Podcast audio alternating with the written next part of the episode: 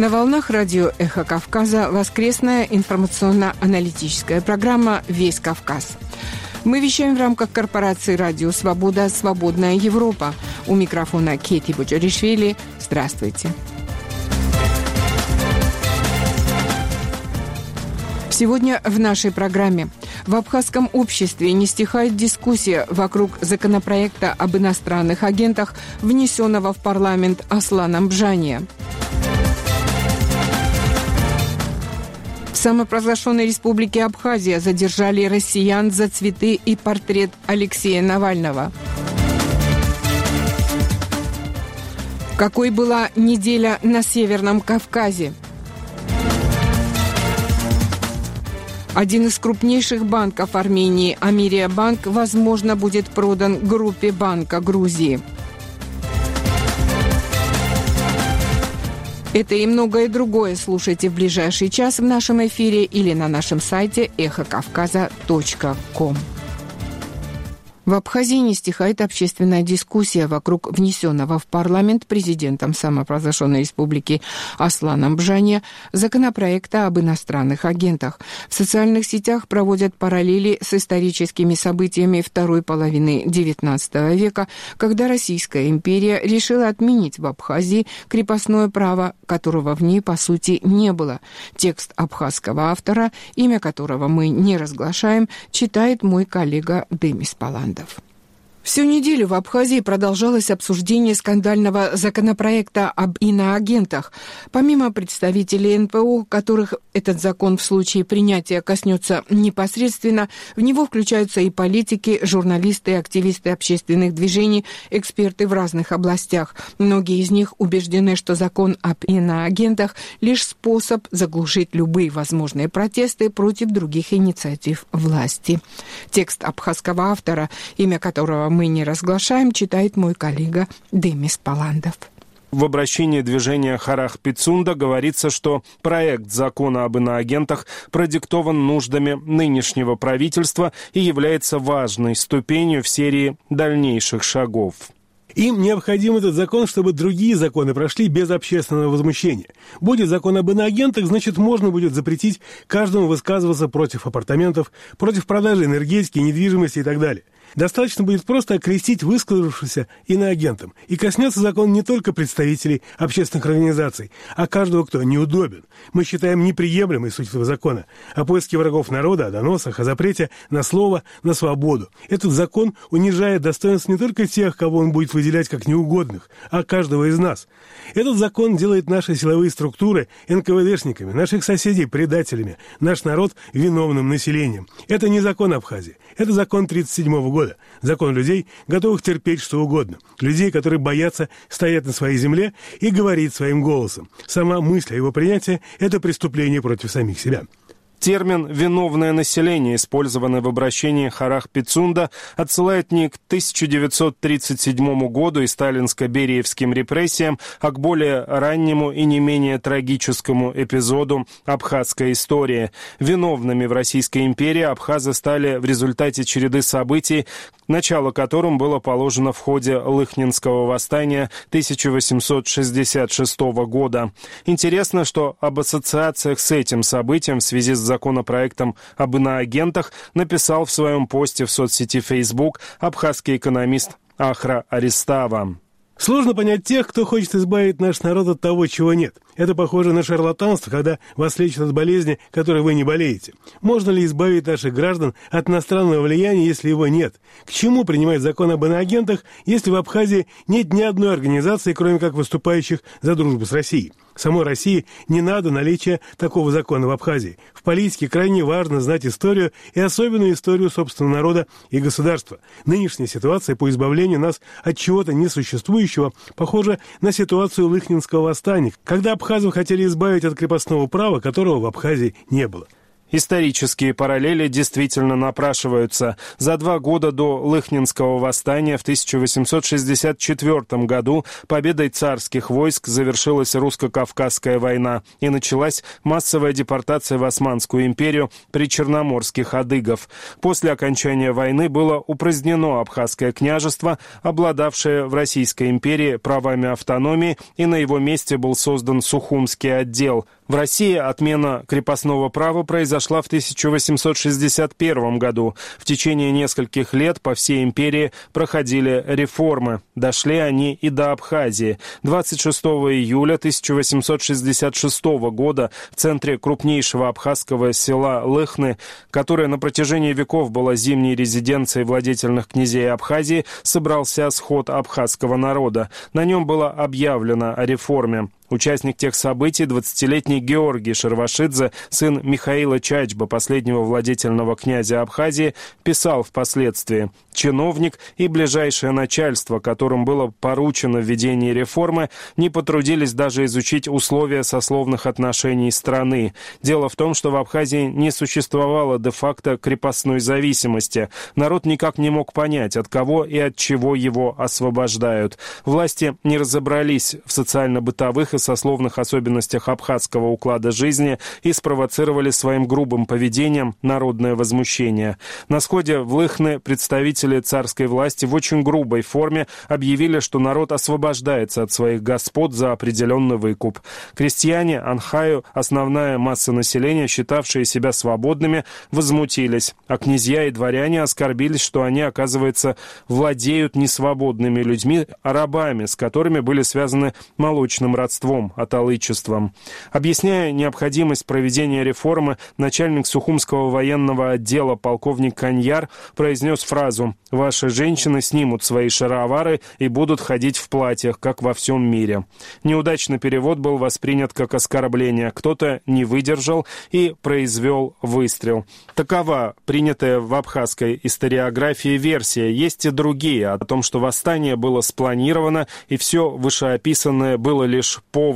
Или о том, что Российская империя спровоцировала восстание, чтобы иметь повод избавиться от абхазов-мусульман. Как бы то ни было, в тот день были убиты спешно укрывшиеся во дворце владетельного князя полковник Каньяр, чиновники Черепов, Измайлов, четыре офицера и 54 казака. Восстание стремительно распространилось по разным районам Абхазии, в нем приняли участие до 20 тысяч человек. 29 июля 1866 года, в самый разгар восстания, повстанцы провозгласили Георгия Шервашидзе владетельным князем Абхазии. Однако попытка реставрации княжества не увенчалась успехом. После подавления восстания многие его участники, в том числе Георгий Шарвашидзе, были высланы из Абхазии. Особо ярых зачинщиков, среди которых были дворяне Маан, показательно расстреляли на Лыхнинской площади. Абхазское население было полностью разоружено, под угрозой высылки был введен запрет на ношение огнестрельного оружия. В марте 1867 года началась депортация в Османскую империю. Всего было выселено до 20 тысяч абхазов. После восстания в Абхазии еще долго было неспокойно. Собственно, виновным населением абхазы стали в ходе русско-турецкой войны 1877-78 годов. В 1877 году махаджирство абхазского населения в Турцию достигло пика. Абхазию покинули еще 50 тысяч абхазов. Всем абхазам, за исключением некоторых представителей аристократии, было запрещено селиться вблизи побережья и в городах. Текст абхазского автора читал Демис Паландов. Многодетную семью в Абхазии подвергли преследованию за возложение цветов в память об Алексее Навальном к мемориалу жертвам политических репрессий. Министерство внутренних дел самопровозглашенной республики проводит доследственную проверку, законность которой сомнительна, так как статьи и ответственности за возложение цветов к памятнику в законодательстве нет. С подробностями моя коллега Нана Плеева. 21 февраля на сайте Абхазского министерства внутренних дел разместили сообщение, цитата, «20 февраля примерно в 19.00 у памятника жертвам политических репрессий на Сухумской набережной неизвестные лица организовали некий ритуал поминания ранее осужденного за экстремизм и скончавшегося в исправительной колонии номер 3 Ямало-Ненецкого автономного округа Алексея Навального, установив на постаменте памятника фотографию последнего». Конец цитаты. Милиция нашла злоумышленников и привела постамент в надлежащее надлежащий вид, сообщает ведомство. В Сухумское УВД доставили двоих россиян, Валентина и Дарью Карпиных. Теперь по данному факту проводится доследственная проверка. Валентин и Дарья уже несколько лет живут в Абхазии. У них шестеро детей. Младшему ребенку всего два года. Карпины живут в старом Сухумском доме, который внесен в реестр памятников архитектуры. Его называют виллой Даля. Они постепенно своими силами восстанавливают дом, сами реставрируют интерьеры. Дом очень красивый. Его хозяева настолько приветливы, что местные экскурсоводы экскурсоводы водят туда туристов, которые потом оставляют множество восторженных отзывов в социальных сетях. Теперь за то, что Карпины возложили цветы в память о политике, их самих могут подвергнуть репрессиям. Источники в Абхазии сообщают, что Дарью, продержав целый день в УВД города, к вечеру отпустили домой к детям. Ее супруга Валентина после длительного допроса продолжают держать в камере УВД. Местные юристы не могут ответить на вопрос, какую статью закона нарушили Карпины. В Абхазском уголовном кодексе нет ответственности ответственности за возложение цветов к памятнику. Меры, принимаемые к ним, противоречат и традиционной абхазской культуре, в которой поминовение любого умершего, будь он даже преступник, возведено в культ. Телеграм-канал «Абхазия-центр» – единственный ресурс, который откликнулся на сообщение Министерства внутренних дел о проведении доследственной проверки за возложение цветов к памятнику, размещенное на сайте ведомства. В сообщении канала говорится, цитата, «Реакция МВД на акцию, посвященную памяти Навального, является данью верности курсу России. Навальный не был осужден Абхазским судом, не обвинялся в преступлениях против Абхазии и даже наоборот, активно разделял позицию признания суверенитета республики со стороны России. Многие деятели российской политики, которые допускают высказывания о присоединении Абхазии к России, продолжают потом посещать Абхазию, и никто их к ответственности не привлекает. Кстати, уголовное дело за фотографию Навального – это хорошая страшилка для местных несогласных, которых без суда уже окрестили иноагентами и продажными шкурами программе. Автозаки, космонавты, задержание, суды. Все как у старшего брата, пишет анонимный автор телеграм-канала. Материал подготовила Нана Плеева. Эхо Кавказа. Один из крупнейших банков Армении, Америабанк, возможно, будет продан группе Банка Грузии за 303,6 миллиона долларов. Почему эта сделка, на которую пока, впрочем, не получено разрешение армянского Центробанка, вызвала в Армении большой ажиотаж, мой коллега Вадим Дубнов обсуждает с политологом, председателем общественной организации «Свободный гражданин» Овсепом Хуршудяном. Сделка о продаже Америабанка еще не заключена, ожидается разрешение Центробанка, но уже вокруг этого процесса очень много слухов, мифов а, и интриг. А почему? Конечно, самая главная интрига в том, что фигурантом сделки является пробывающий предварительное заключение в тюрьме Баку Рубен Вартанян, который является не прямым акционером Америбанка, но опосредованным. Он является э, акционером Imast Group, который является, в свою очередь, акционером 48,5% Америбанка. Ну, Америбанк один из крупнейших банков в Армении, и э, у общества возник вопрос, а не является ли вот эта сделка попыткой влияния Азербайджана через заложника, так скажем, Рубена Вартаняна на финансовую сферу Армении? Он сейчас, находясь в бакинской тюрьме, может подписать любые документы, а там это далеко не демократическая страна, и мы знаем, какие пытки применялись и к своим собственным оппозиционерам, и тем более уже э, могут применяться к армянским военнопленным. Мы сейчас в обществе обществе идет вот это требование, чтобы Центральный банк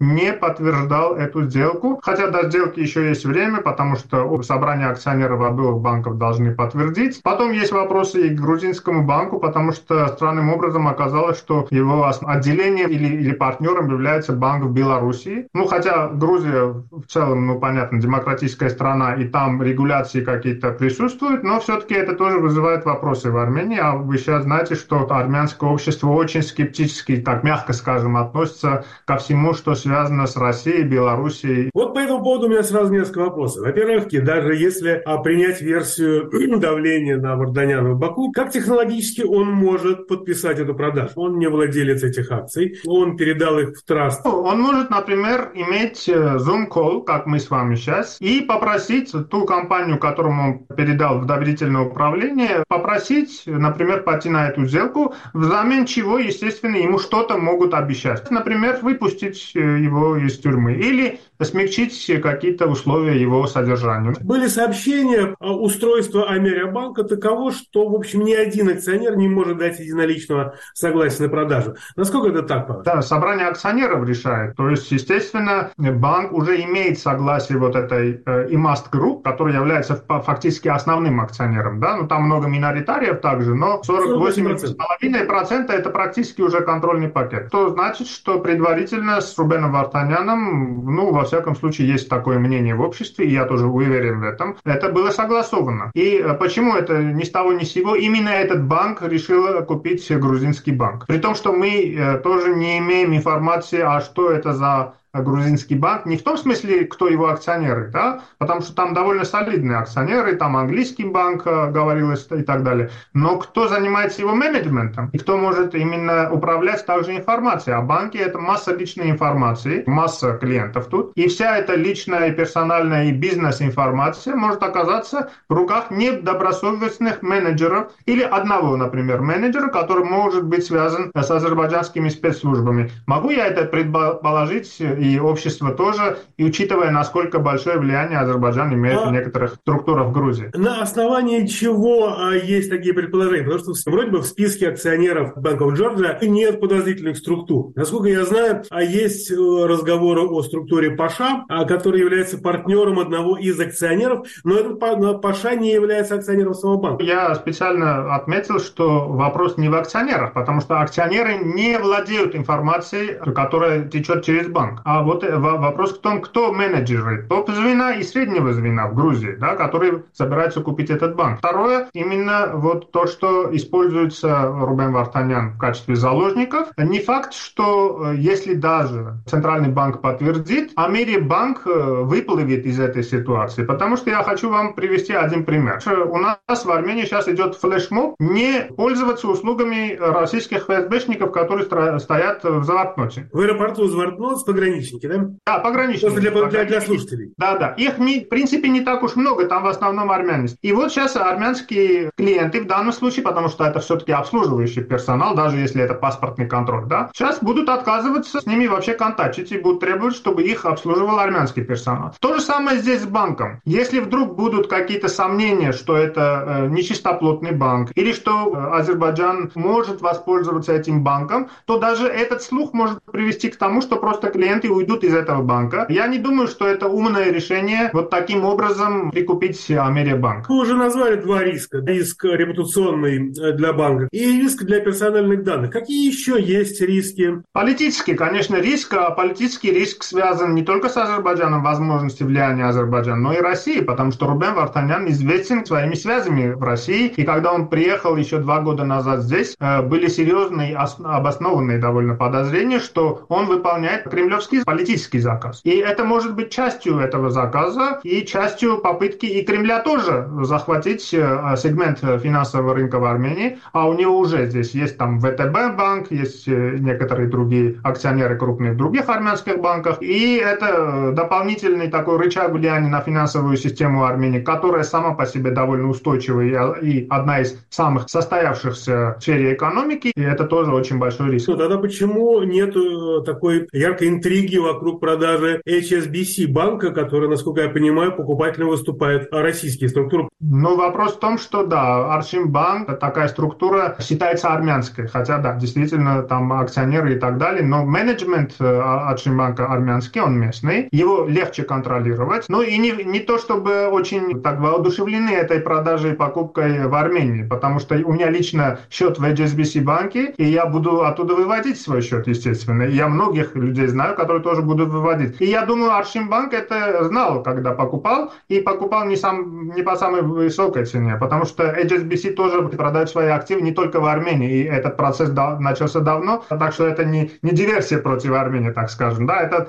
процесс, который, кстати, по моей информации, был продлен, потому что это, эта сделка должна была быть еще 2-3 года назад, но наши власти, я так понимаю, просили HSBC повременить с этим, так что это тоже не, не то, чтобы это не вызывает каких-то опасений в обществе. Мы сейчас перечислили два системообразующих банка, а которые выходят из-под контроля, собственно говоря, а, банковского суверенитета, условно говоря, да? это ВТБ и NHBC. Почему именно вокруг Америя банка вот такие волнения? HSBC только-только сейчас будет ну, выходить. Да. И при том здесь нету интриги такой, как связано было с Рубеном Вартаняном. И опять же, опасности того, что вот Азербайджан непосредственно сможет контролировать или влиять каким-то образом на финансовую сферу Армении или воспользоваться личной информацией. Даже если HSBC покупает Аршимбанк, который в какой-то смысле аффилирован с Россией. Ну, ВТБ это полная катастрофа, потому что мы знаем, что там среди собственников есть даже азербайджанские банки, насколько нам это известно, хотя я посредом. Так что в этом смысле тоже ВТБ потеряла очень в своей репутации, и очень много людей оттуда тоже выходят и выходили после того, как эта информация была опубликована еще года два назад, если я не ошибаюсь, сразу после войны 2020 года. Так что да, в банковской сфере Армении происходят какие-то передвижки, и э, даже если эти покупки будут э, нести с собой опасность для Армении, а я все-таки надеюсь, что Центральный банк не подтвердит э, вот эту последнюю сделку, все-таки обществу решать, кто будет обслуживать его. Ну и не говоря о том, что мы постоянно требуем от наших властей, чтобы они лично занялись приглашением сюда солидных европейских западных банков. Тут у нас был прокредитбанк немецкий, но это было давно, лет 10 назад он ушел из рынка.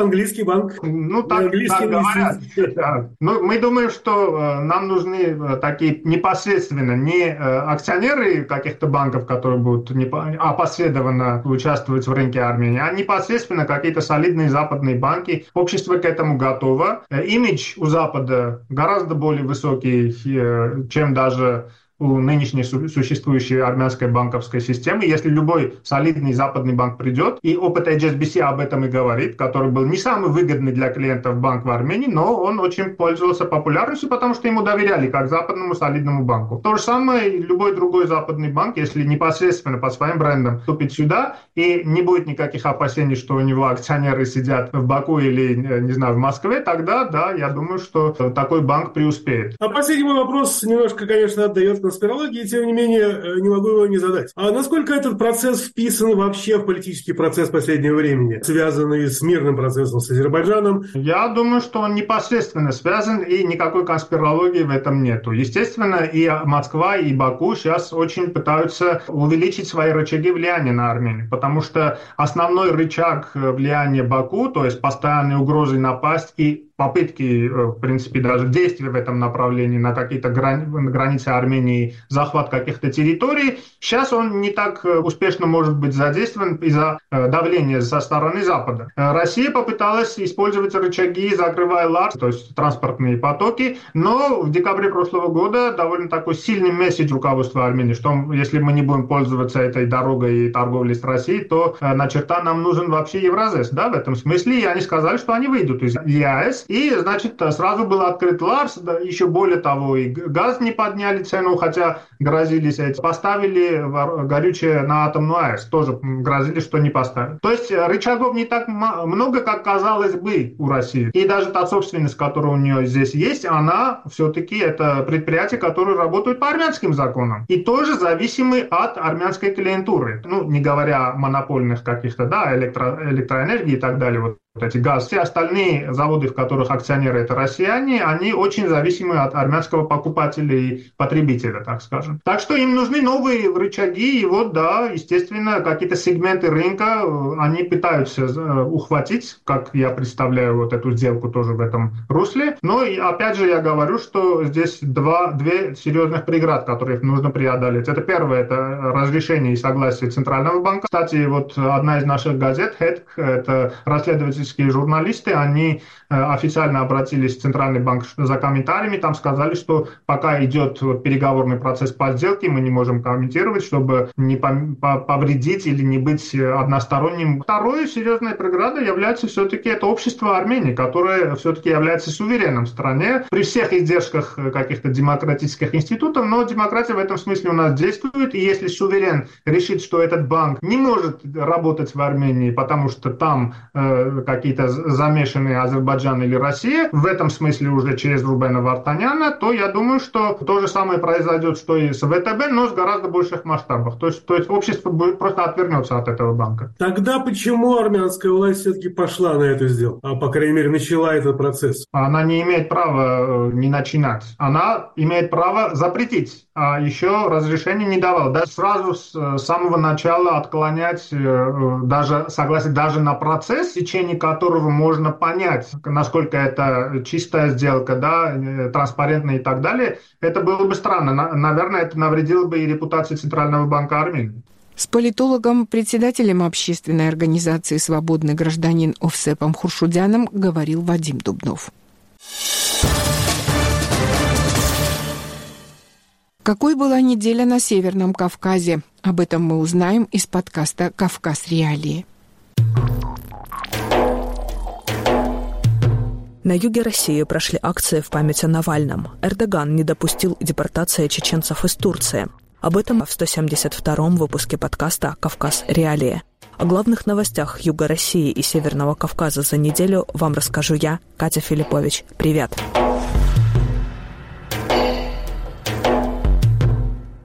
С вечера 16 февраля, когда власти сообщили о смерти оппозиционного политика Алексея Навального, в городах России начались стихийные акции в его память. Напомним, по версии Федеральной службы исполнения наказаний, Навальный, находившийся в колонии особого режима «Полярный волк», умер после прогулки.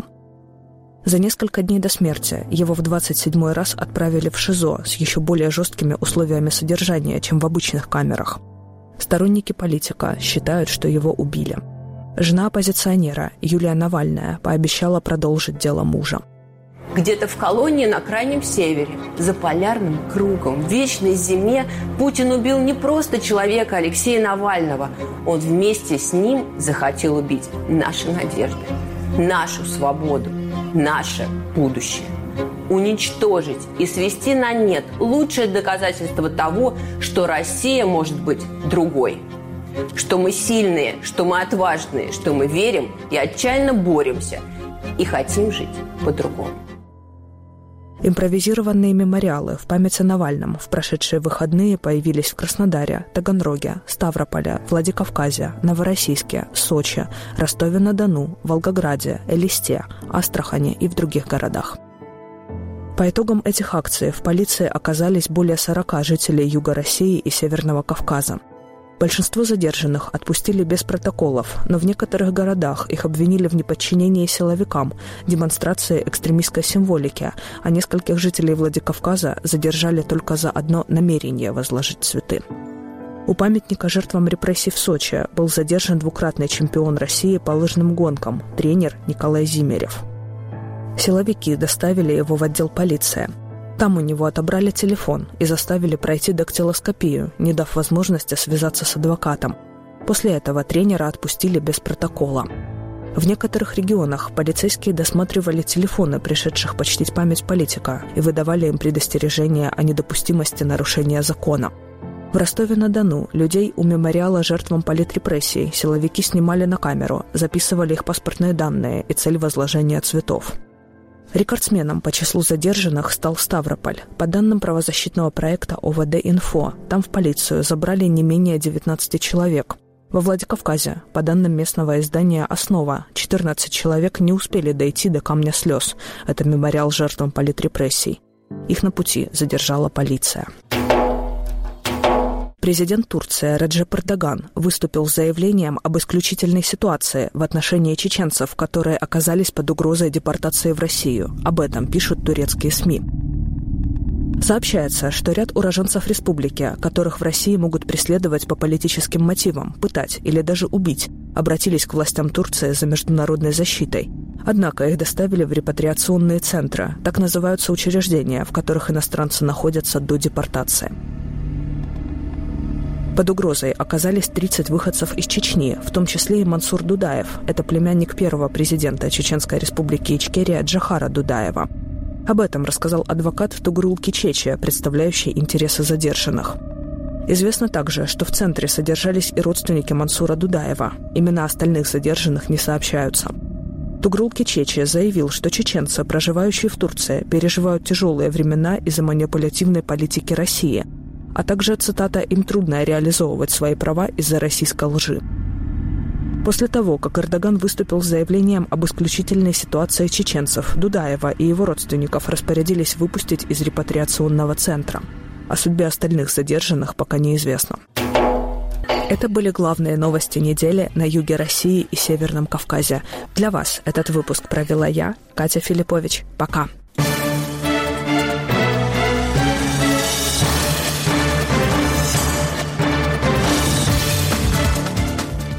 В эфире радио «Эхо Кавказа». Вы слушаете воскресную информационно-аналитическую программу «Весь Кавказ». В студии работает Кейти Бочеришвили. Время краткого выпуска новостей. В ночь на 25 февраля, как сообщают украинские журналисты и полиция Донецкой области, в результате обстрела города Константиновка со стороны российских войск было разрушено здание железнодорожного вокзала. Пострадал также православный храм, несколько жилых домов, административные и торговые здания. Сообщается об одном пострадавшем. Утверждается, что речь шла о ракетном ударе или о сбросе авиабомбы. В соцсетях распространяются фото и видео, на которых виден разрушенный вокзал. Константинов Авдеевка относительно крупный город в контролируемой Украиной части Донецкой области. После начала войны в Донбассе в 2014 году, но до широкомасштабного российского вторжения 2022 года, Константиновка была конечной станцией поезда, который следовал из Киева в Донбасс. Российская Минобороны удары по Константиновке пока не комментировала. Президент Украины Владимир Зеленский поблагодарил грузинскую коллегу Саломе Зурабишвили за видеообращение в связи с двухлетней годовщиной вторжения России в Украину. Зеленский заявил, что Украина высоко ценит Грузию и ее свободолюбивый народ. Спасибо, госпожа президент. Совместное и сильное давление на агрессора важно для того, чтобы все соседние с ним нации оставались свободными. Мы высоко ценим Грузию и ее свободолюбивый народ, написал Зеленский в Твиттер. Саломе Зурабишвили накануне 20 24 февраля заявила, что прошло два года, но Россия не победила и не смогла сломить стойкость Украины и украинцев. Бывший президент США Дональд Трамп одержал в субботу победу на праймерис республиканской партии в штате Южная Каролина и, по оценкам комментаторов, еще на шаг приблизился к официальному выдвижению в президенты на ноябрьских выборах. После подсчета почти всех голосов Трамп набирает около 60%. Его единственная соперница, бывший губернатор Южной Каролины Ники Хейли, получила чуть более 39% голосов. Разрыв оказался не таким большим, как предсказывали некоторые опросы, но достаточно достаточным, чтобы Трамп обеспечил себе голоса подавляющего большинства делегатов от штата на будущем партийном съезде республиканцев. Трамп таким образом уверенно победил на праймерис уже в четырех штатах из четырех. Следующее голосование в Мичигане 28 февраля, а затем Соединенные Штаты ждет так называемый супервторник 5 марта, когда пройдет сразу 16 голосований. 25 февраля, в день советской оккупации, премьер-министр Грузии Иракли Кобахидзе возложил венок к мемориалу юнкеров. Джори пишет InterPressNews. Кобахидзе прибыл к мемориалу вместе с председателем парламента Шалвой Папуашвили, вице-премьером, министром обороны Ираклием Чиковани, мэром Тбилиси Кахой Каладзе и представителями законодательной власти. Прошло 103 года со дня советской оккупации. 25 февраля постановлением парламента Грузии объявлен днем советской оккупации. В связи с этой датой Франции приспущены флаги на административных зданиях и дипломатических представительствах Грузии за рубежом. В Чечне на базе Грозненского государственного нефтяного технического университета организуют Центр инжиниринговых разработок в промышленности, машиностроении и создании беспилотников. Республика выиграла на это грант в размере 254 миллионов рублей, пишет госагентство ТАСС. Задачей Центра является разработка идей для импортозамещения в перечисленных выше сферах, рассказал ректор университета Магомед Минцаев. Где именно будут применяться новые технологии в гражданской или военной сфере, он не уточнил. Грузнинский государственный нефтяной технический университет имени академика Миллионщикова с мая прошлого года находится под санкциями США, которые ввели из-за вторжения в Украину. Это был краткий выпуск новостей на радио «Эхо Кавказа».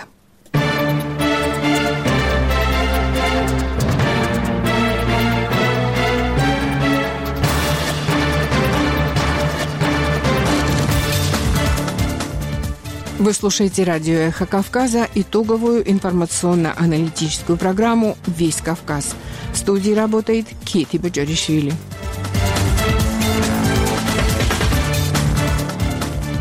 Продолжаем программу. Насколько сегодня в Азербайджане после победы в войне с Арменией популярен Ильхам Алиев, бессменный глава страны с октября 2003 года, пару недель назад в пятый раз победивший на внеочередных президентских выборах?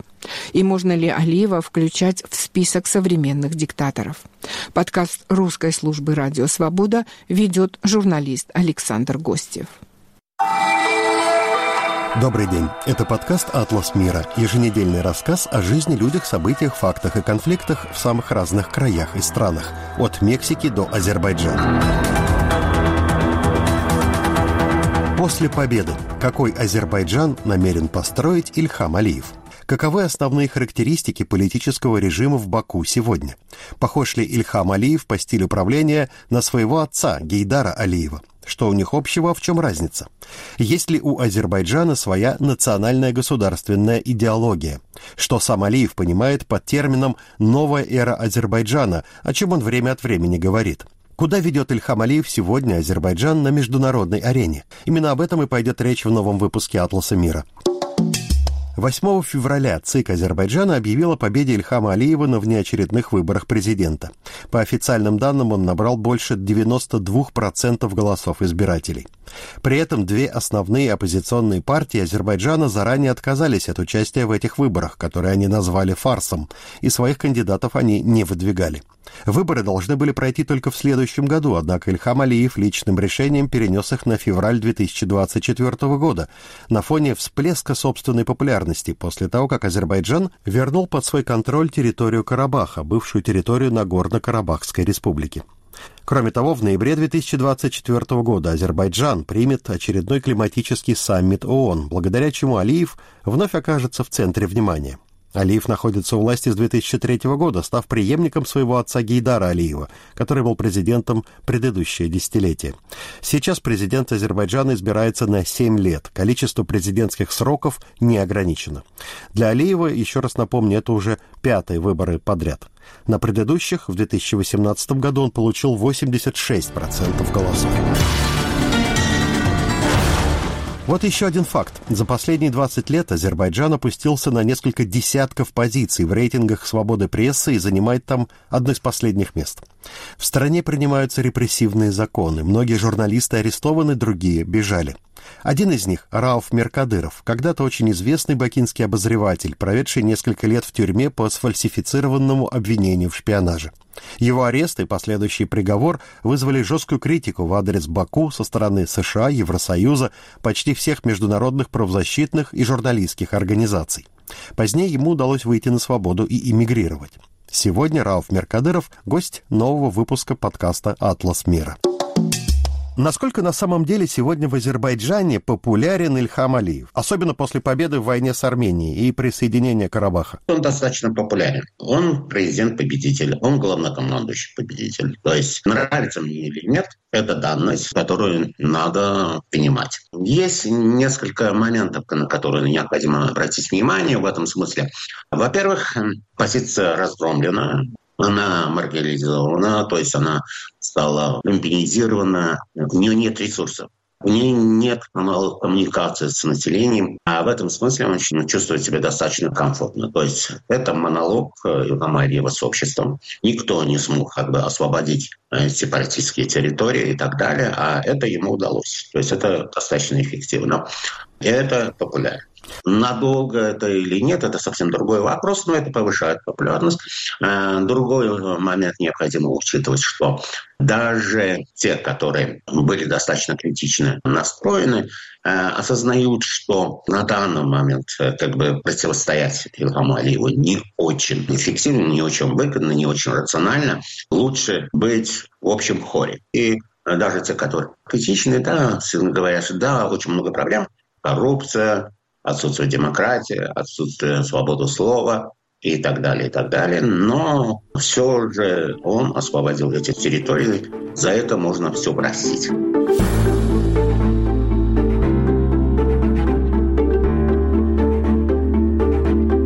Хочется спросить так. Вот после этой победной войны в целом Алиев уже приравнен к небожителям, то есть он окончательно стал великим, вечным и непогрешимым таким собирателем земель Великого Азербайджана? Нет, я не думаю, что это так. То есть это данный временной отрезок. Дело в том, что нельзя небольшой на сегодняшний день Азербайджан э, сравнивать с государством с имперским мышлением. Да?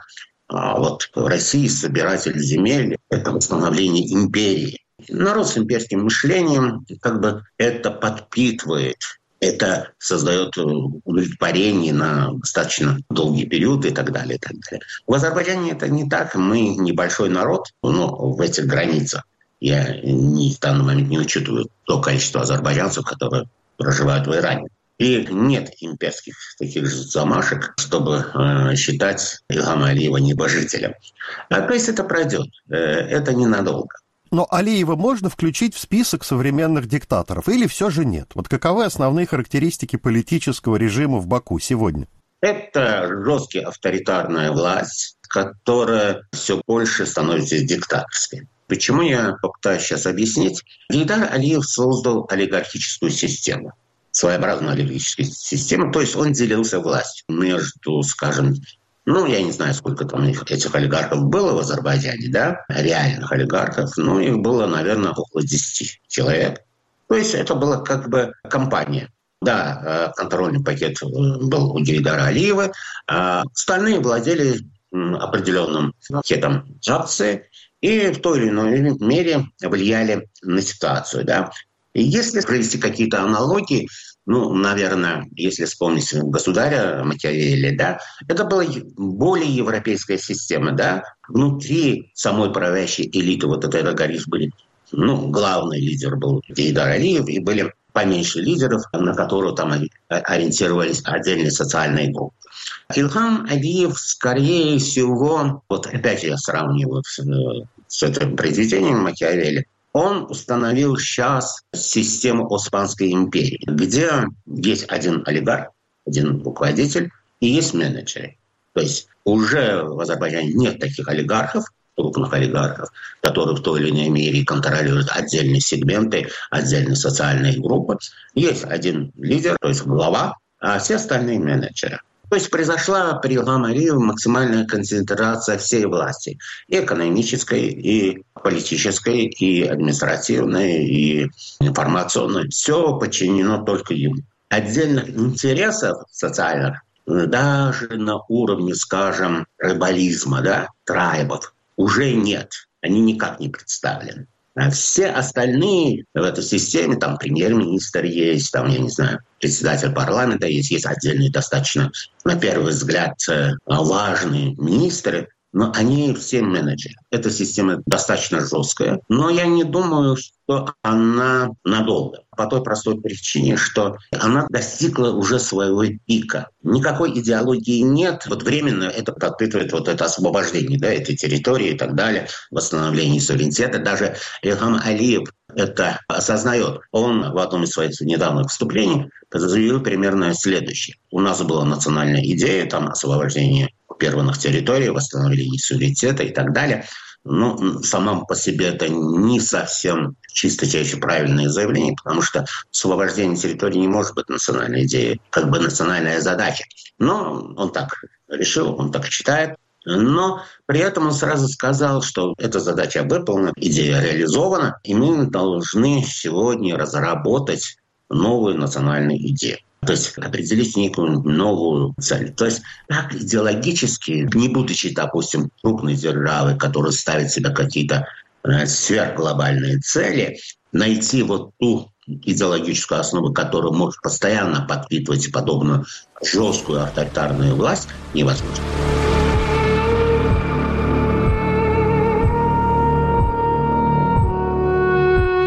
Почему вообще Алиев решил провести последние выборы так досрочно, раз он уверен в своих силах, в поддержке? Каковы были его расчеты? Это демонстрация того, что он понимает, что некоторые проблемы он должен решить именно на пике своей популярности. Обратите внимание, как произошли выборы в Азербайджане.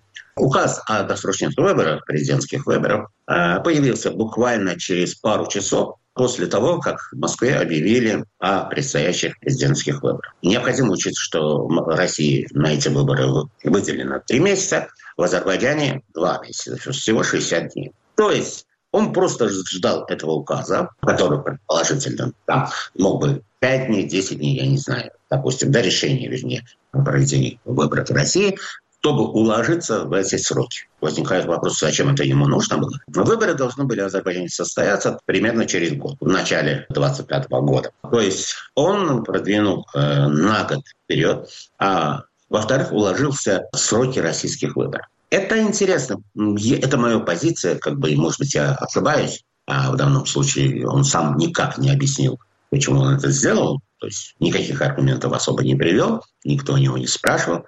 Э, я думаю, что ему важно было уложиться э, в эти сроки. Во-первых, внимание всего мира акцентировано на России, на Украине. То есть понятно, что российские выборы имеют огромное значение для мира, несмотря на то, что результат предрешен, и э, в купе с событиями вокруг Украины. То есть Путину необходимо добиться максимального успеха выборам любой ценой, что мы и наблюдаем, несмотря на огромные жертвы захвата Авдеевки, продолжение наступательных операций и так далее, и так далее.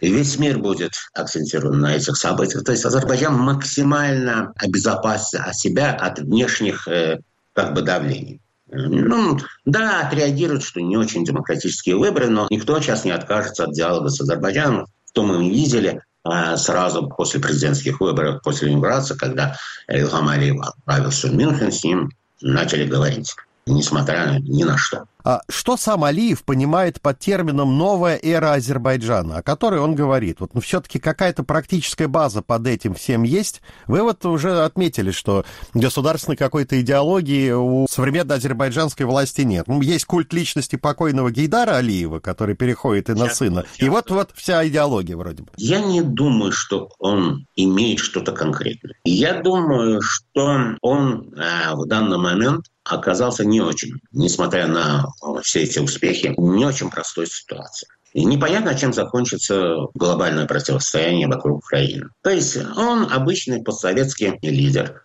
который ориентируется в ситуацию. И, естественно, с учетом собственных интересов.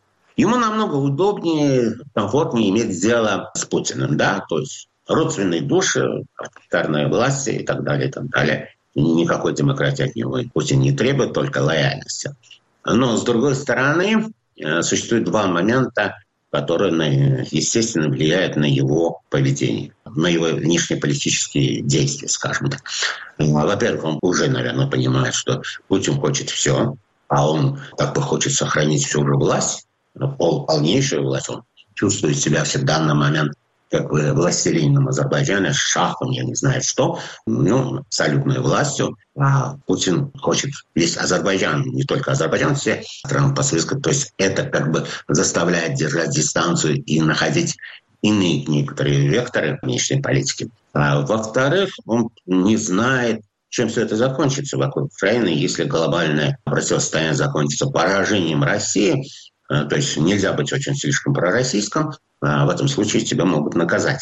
Можешь оказаться под ударом и так далее. Поэтому у него вообще нет четких ориентиров. В последнее время еще появился такой, я думаю, что чисто временный такой э, внешнеполитический ветер. Мы как бы тюркский народ, тюркское братство, мусульманское братство, то есть мусульманский мир, Восток и так далее. Вот еще одно направление, что мы будем развиваться не с Россией, совместно с Россией, не совместно с Западом, а вот духовно, нравственно нам близкими восточными странами. То есть я думаю, что это попытка нащупать некоторые ориентиры, но четкого понимания, я думаю, что ни у, ни у него, ни у кого даже его окружения в данный момент нет. Напоминаю, что вы слушаете подкаст «Атлас мира». Скоро вместе с независимым азербайджанским обозревателем и политэмигрантом Рауфом Меркадеровым мы к вам вернемся. Самые интересные дискуссии из соцсетей. Подкаст «Цитаты свободы». Каждый понедельник и четверг я, Аля Пономарева, пересказываю вам самые важные дискуссии, чтобы вы могли не тратить время на чтение Фейсбука и просмотра Ютуба. Слушай подкасты «Радио Свобода» в iTunes, на Google Podcast, в Яндекс Music, в Castbox и Spotify. Подкасты «Радио Свобода».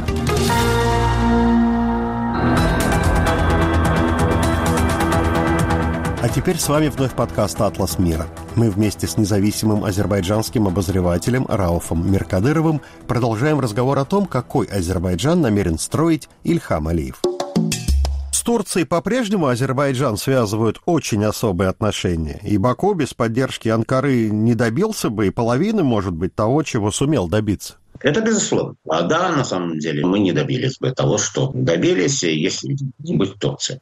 Дело в том, что уже после 2014 года, то есть когда э, Россия аннексировала Крым, захватила часть Восточной Украины, роль Турции в регионе начал возрастать. То есть все шло к глобальному противостоянию, начались санкции и так далее, и так далее. Э, а Турция, несмотря на то, что как бы она является частью НАТО, но все же она вела, скажем, многовекторную внешнюю политику и пыталась сохранить отношения с Россией. И значимость Турции для России начала возрастать. Первый звонок э, вот в этом направлении прозвучал в 2016 году, да, если помните, была четырехдневная война когда Азербайджан э, смог э, освободить небольшую часть, но все же освободить э, оккупированных территорий.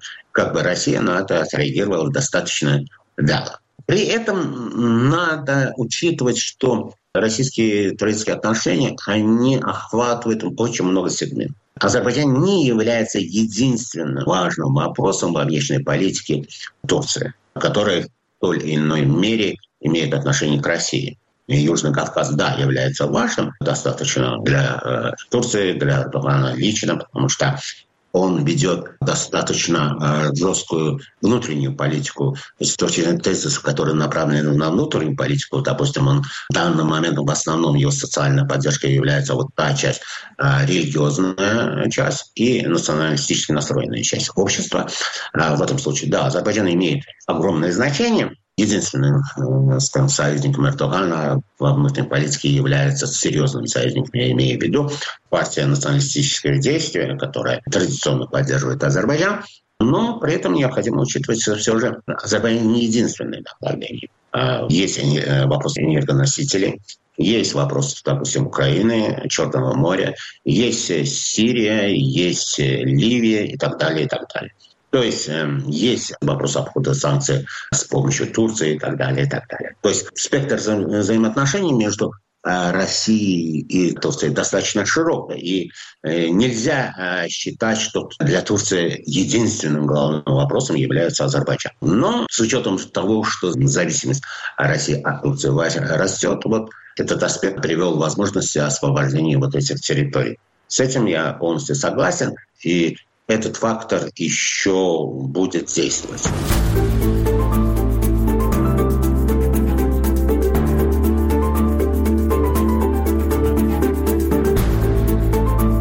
Рауф, кстати, а насколько сильна в Азербайджане сила религии? Зачастую ведь именно с какого-то религиозного, низового протеста и начинаются восстания, например, против власти. Ну, вспомним арабскую весну. Очень много где, кстати, и в бывших республиках э, СССР заметен рост исламского такого фундаментализма. Появляются всякие группировки, течения, движения, партии. Но вот из Азербайджана я никаких таких новостей вообще за многие годы не слышал. Вот что, Алиев как бы всех скрутил и тут в бараний рог? В целом азербайджанское население, оно светское населения. Она намного больше европейская, чем турецкое население. А в Азербайджане такого разрыва, жесткого разрыва между религиозно настроенными людьми и светскими настроенными людьми, как в Турции, нет. Если не считать небольшую часть, допустим, очень богатых людей, в целом э, и социальные различия не настолько явны. По крайней мере, на данный момент. Но это не означает, что в Азербайджане нет религиозного движения такого. Во-первых, оно сильно подавляется. Почему сильно подавляется? И на это как бы не очень серьезно реагируют правозащитные структуры. А потому что основные оппозиционно-религиозные течения в Азербайджане или организации, скажем, или группы, религиозные группы Азербайджана, а или связаны Ираном, или же связаны э, арабскими там, этими центрами, как Саудовская Аравия и так далее. И так далее. Они подпитываются оттуда, то есть они в целом выступают как оружие внешнего влияния. Если общественное мнение не поддерживает полное подавление этих течений и так далее, организация, по крайней мере, достаточно безразлично, когда власти э, начинают подавлять именно эти представители, сажают, там, арестовывают, лишают возможности проповедовать и так далее представителей этих организаций. Но я хочу э, обратить внимание, таких э, группировок в Азербайджане немного. Но они очень радикальны. Это настораживает. А, во-вторых, э, необходимо учесть, что они очень легко мобилизуемы. Они очень легко могут мобилизовать вокруг себя, допустим, низы, которые вообще все потеряли, у которых ничего нет, у которых нет никакой надежды на будущее. То есть в форс-мажорной ситуации они могут э, стать силой. Я хочу напомнить э, с истории России, да, большевики были самой маленькой политической партией в России, практически, да, из крупных, если считать. Э, и проиграли выборы учредительных собраний, но они именно взяли власть за счет мобилизованности и так далее. А вот эта группировка достаточно быстро может мобилизовать вокруг себя людей. Почему это легко сделать? Потому что при всем жестком подавлении как бы никто не закрывает в Азербайджане мечети. Да? Мечети существуют и так далее. А мечеть – это место сбора верующих. И форс-мажорной когда ситуация может взорваться, просто туда придет представитель, допустим, этой организации, насильно скинет официального, я кавычках говорю, да, официального проповедника, и встанет, начнет проповедовать и призывать людей э, к чему, что и как надо делать. То есть, в принципе, структура религиозного влияния, да, она создана. То есть организация структура существует. Как это, любой мечеть – это как бы ячейка, первичная ячейка. У нас существует везде. Просто проповедуют сейчас правильные, я в кавычках имею в виду правильные, а в случае чего там может проповедовать неправильный проповедовать и призывать. То есть это э, выгодно отличает религиозные организации, религиозное вот это течение и религиозную оппозицию от других э, сил оппозиции, допустим, я опять же назову их условно-демократическими, которые выступают против а светские демократические, которые выступают против Алия, которые потеряли все ресурсы, и финансовые ресурсы, и организационные ресурсы, и информационные ресурсы. То есть практически лишились всех форм коммуникации с обществом.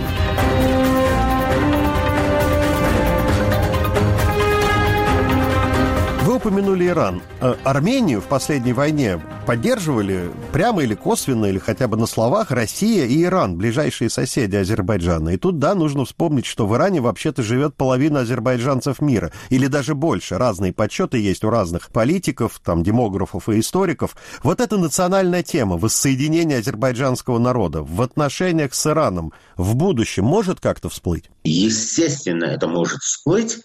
Но для этого необходимо, чтобы была цель, то есть цель реализации, то есть одного желания, что азербайджанцы хотят быть вместе, недостаточно, потому что это связано геополитикой.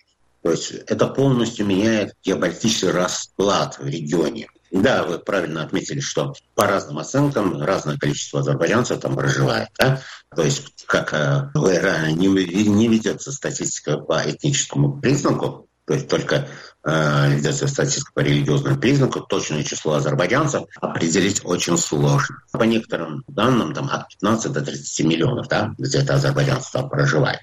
Ну, я не собираюсь спекулировать на эту тему, потому что это как бы несерьезно и особо не важно. Там 10 миллионов или 30 миллионов. 10 миллионов тоже очень много.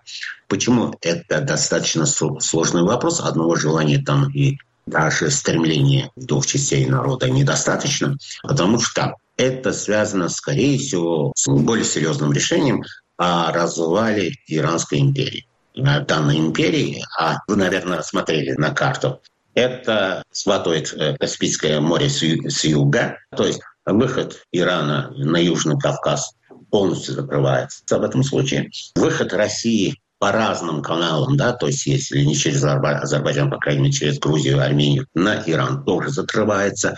Создается полоса, которая объединяет не просто Азербайджан и Турцию, но и Турцию через Азербайджан, то есть через юг э, Каспийского моря, э, Среднюю Азию, то есть другие тюркские государства э, региона. То есть это очень большой геополитический проект, в принципе, который полностью меняет расклад сил. Я думаю, что, по крайней мере, я подобного желания у ведущих игроков сегодня я не вижу. Напоминаю, что это было мнение Рауфа Меркадырова, азербайджанского политического обозревателя и журналиста, живущего в эмиграции. С Рауфом Миркадыровым беседовал автор подкаста «Атлас мира», журналист русской службы «Радио Свобода» Александр Гостев.